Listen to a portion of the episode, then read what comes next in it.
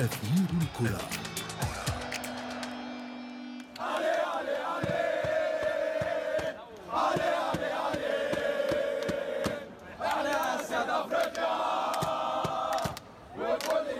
لمن ستذهب جائزة أفضل لاعب في أفريقيا؟ هذا العام. بإمكانكم الآن مستمعي الكرام التوقع أو ترشيح واحد من اللاعبين خصوصا بعد إعلان الاتحاد الإفريقي لكرة القدم الكاف آه، قائمة تضم 30 لاعبا من بينهم عشرة لاعبين عرب محترفين في كبرى الأندية على صعيد العالم. أيضا آه، تم إعادة جائزة لاعب العام في مسابقات الأندية مرة أخرى.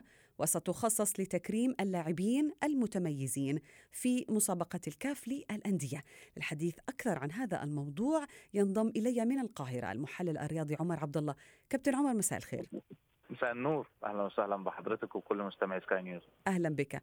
أه، كابتن عمر يعني بداية هي قائمة من 30 لاعب. أه، يعني عندما يتم تقليص هذه القائمة إلى عشرة لاعبين من من هؤلاء الأقرب للتأهل إلى هذه القائمة؟ بالتأكيد ال- القائمة المبدئية اللي بتضم 30 لاعب هي بت- بتبقى قائمة آه، بتضم العديد من الاختيارات وبيتم تقليصها إلى 10 لاعبين القائمة ال- ال- الأخيرة أو قبل الأخيرة ال 10 لاعبين بتكون محسومة حتى قبل الإعلان عنها يعني مع. الإعلان عن ال 30 لاعب بيكون الاتحاد الأفريقي واللجنة هي الفنية الثلاثين قد- قائمة طرد يعني جوائز طردية بالضبط نعم. بالضبط هي القائمه بتجمع كل الأسماء الت- التي تألقت أو التي لفتت الأنظار خلال الموسم ولكن الاتحاد الأفريقي تلقائيا بيبقى عنده آه، القائمة النهائية أو القائمة آه، قبل النهائية ب 10 لاعبين وبيكون الأمور شبه حسمت وده بيحدث في كل الجوائز الفردية سواء في الاتحاد الأفريقي أو في الاتحاد الدولي أو الاتحاد ال- ال- الأوروبي.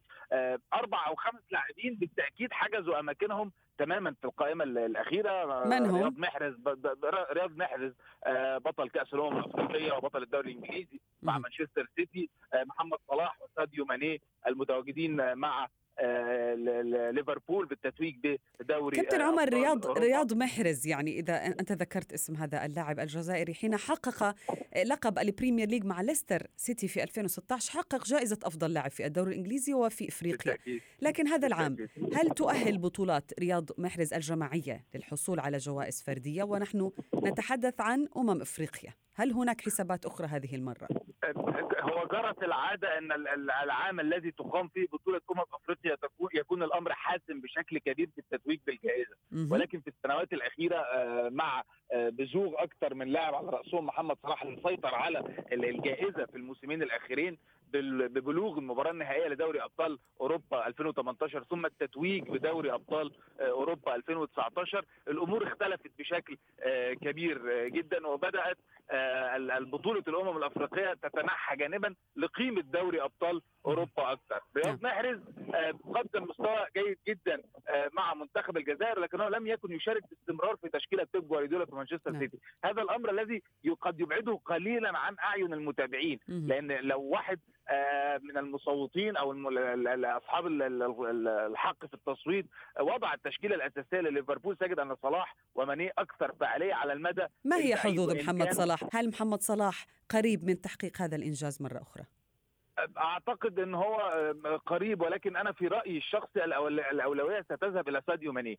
ساديو ماني هو الذي جمع ما بين قدمه محمد صلاح في التألق في دوري أبطال أوروبا ومع ليفربول وما فعله رياض محرز في التألق في كأس الأمم الأفريقية بقيادة السنغال للنهائي فهو يعني جمع بين الحسنيين كما يقولون. هو جمع بين التألق مع المنتخب وبلغ المباراة النهائية وتألق مع ليفربول. محمد صلاح حظوظه متواجدة ورياض محرز حظوظه متواجدة ونحن نتمناها في ال- في النهاية عربية. سواء لرياض أو لمحمد صلاح. ولكن ساديو ماني قدم مستوى رائع في هذه آه، في هذا العام وكان أحد الأسباب الرئيسية لتتويج ليفربول بكأس الأمم الأفريقية. حتى إيدن هازار نجم ريال مدريد إذا من هو. الأقرب؟ يعني كل لاعب نذكر اسمه يملك سجل كبير ويملك عدد من حظوظ البطولات الثلاثي قويه للغاية نعم. حظوظ الثلاثي قويه لأنهم تواجدوا بشكل كبير جدا مع انديتهم ومع آه، منتخبات بلادهم ولكن آه، في رأيي أن كأس الأمم الأفريقية الأخيرة آه، قلصت من حظوظ محمد صلاح آه، كثيرا رغم طبعا أنا أنا كمصري أتمنى إن محمد صلاح يدخل التاريخ بتحقيق هذا اللقب آه، مرة جديدة ولكن آه، على أرض الواقع كأس الأمم الأفريقية الأخيرة قلصت من حظوظ محمد صلاح خروج المنتخب الوطني من دور ال 16 مبكرا قلص من هذه الحظوظ لأن نجاحه أصبح اوروبيا فقط يعني ممكن. يكون ج... أقرب جزائريا. منه أتمنى إن لم يكن محمد صلاح رياض محرز ولكن بعض الشواهد تؤكد أو تشير بلاش تؤكد يعني دعنا يعني لا نؤكد شيء لكن تشير أن ساديو ماني قد يكون هو صاحب اليد الطولى بفارق ضئيل عن رياض محرز وإن كنت أنا أتمناها كرأي شخصي أتمنى إما رياض محرز أو محمد صلاح ولكن على أرض الواقع والمساهمات آه، ساديو ماني حتى كما كنت آه، أذكر منذ قليل إيدن هازارد وضع ساديو ماني على القمة في حديث له مع صحيفة لو باريزيان الفرنسية وقال ساديو ماني هو الأقرب لأنني أفضل أن أمنح الجائزة للاعب توج بدوري أبطال هو ماني دائما يحل ضيف على هذه القائمة في أو حتى قائمة العشر لاعبين الأفضل للعام الثالث هذه المرة على التوالي. آه، المحلل الرياضي عمر عبد الله شكرا جزيلا لك. أثير الكرة.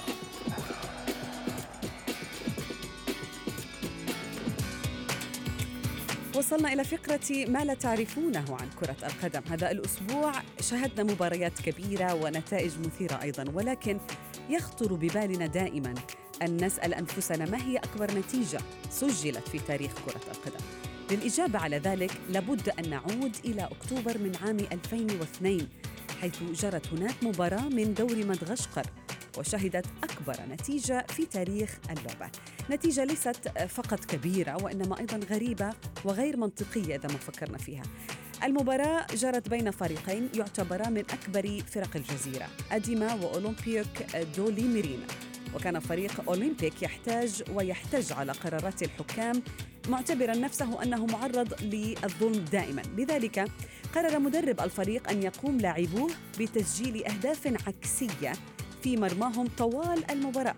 وهذا ما فعل فعله اللاعبون الذين تسابقوا على تسجيل الأهداف في مرمى فريقهم طيلة التسعين دقيقة لتنتهي المباراة بنتيجة 149 هدفا لصالح الفريق الخصم أديما. وقد اعتبرت هذه النتيجة تاريخية حيث دخلت موسوعة جينيس للأرقام القياسية كأكبر خسارة في عالم المستديرة حتى يومنا هذا. ولم تنتهي الأمور هنا بل سادت حالة من الفوضى حيث هجم المشجعون على شباك التذاكر لاستعادة أموالهم التي دفعوها لمشاهدة اللقاء. وبعد هذه الكارثة قرر اتحاد كرة القدم في مدغشقر بأن يعاقب الفريق الخاسر لتسجيله الأهداف العكسية احتجاجا على قرارات الحكام فتم إيقاف المدرب وعدة لاعبين كما تم منع النادي من اللعب لفترة. وصلنا بكم إلى صافرة النهاية من أثير الكرة. لا تنسوا مستمعينا الكرام أن لقاءنا يتجدد بكم ومعكم الخميس المقبل. معي أنا شذى حداد. إلى اللقاء.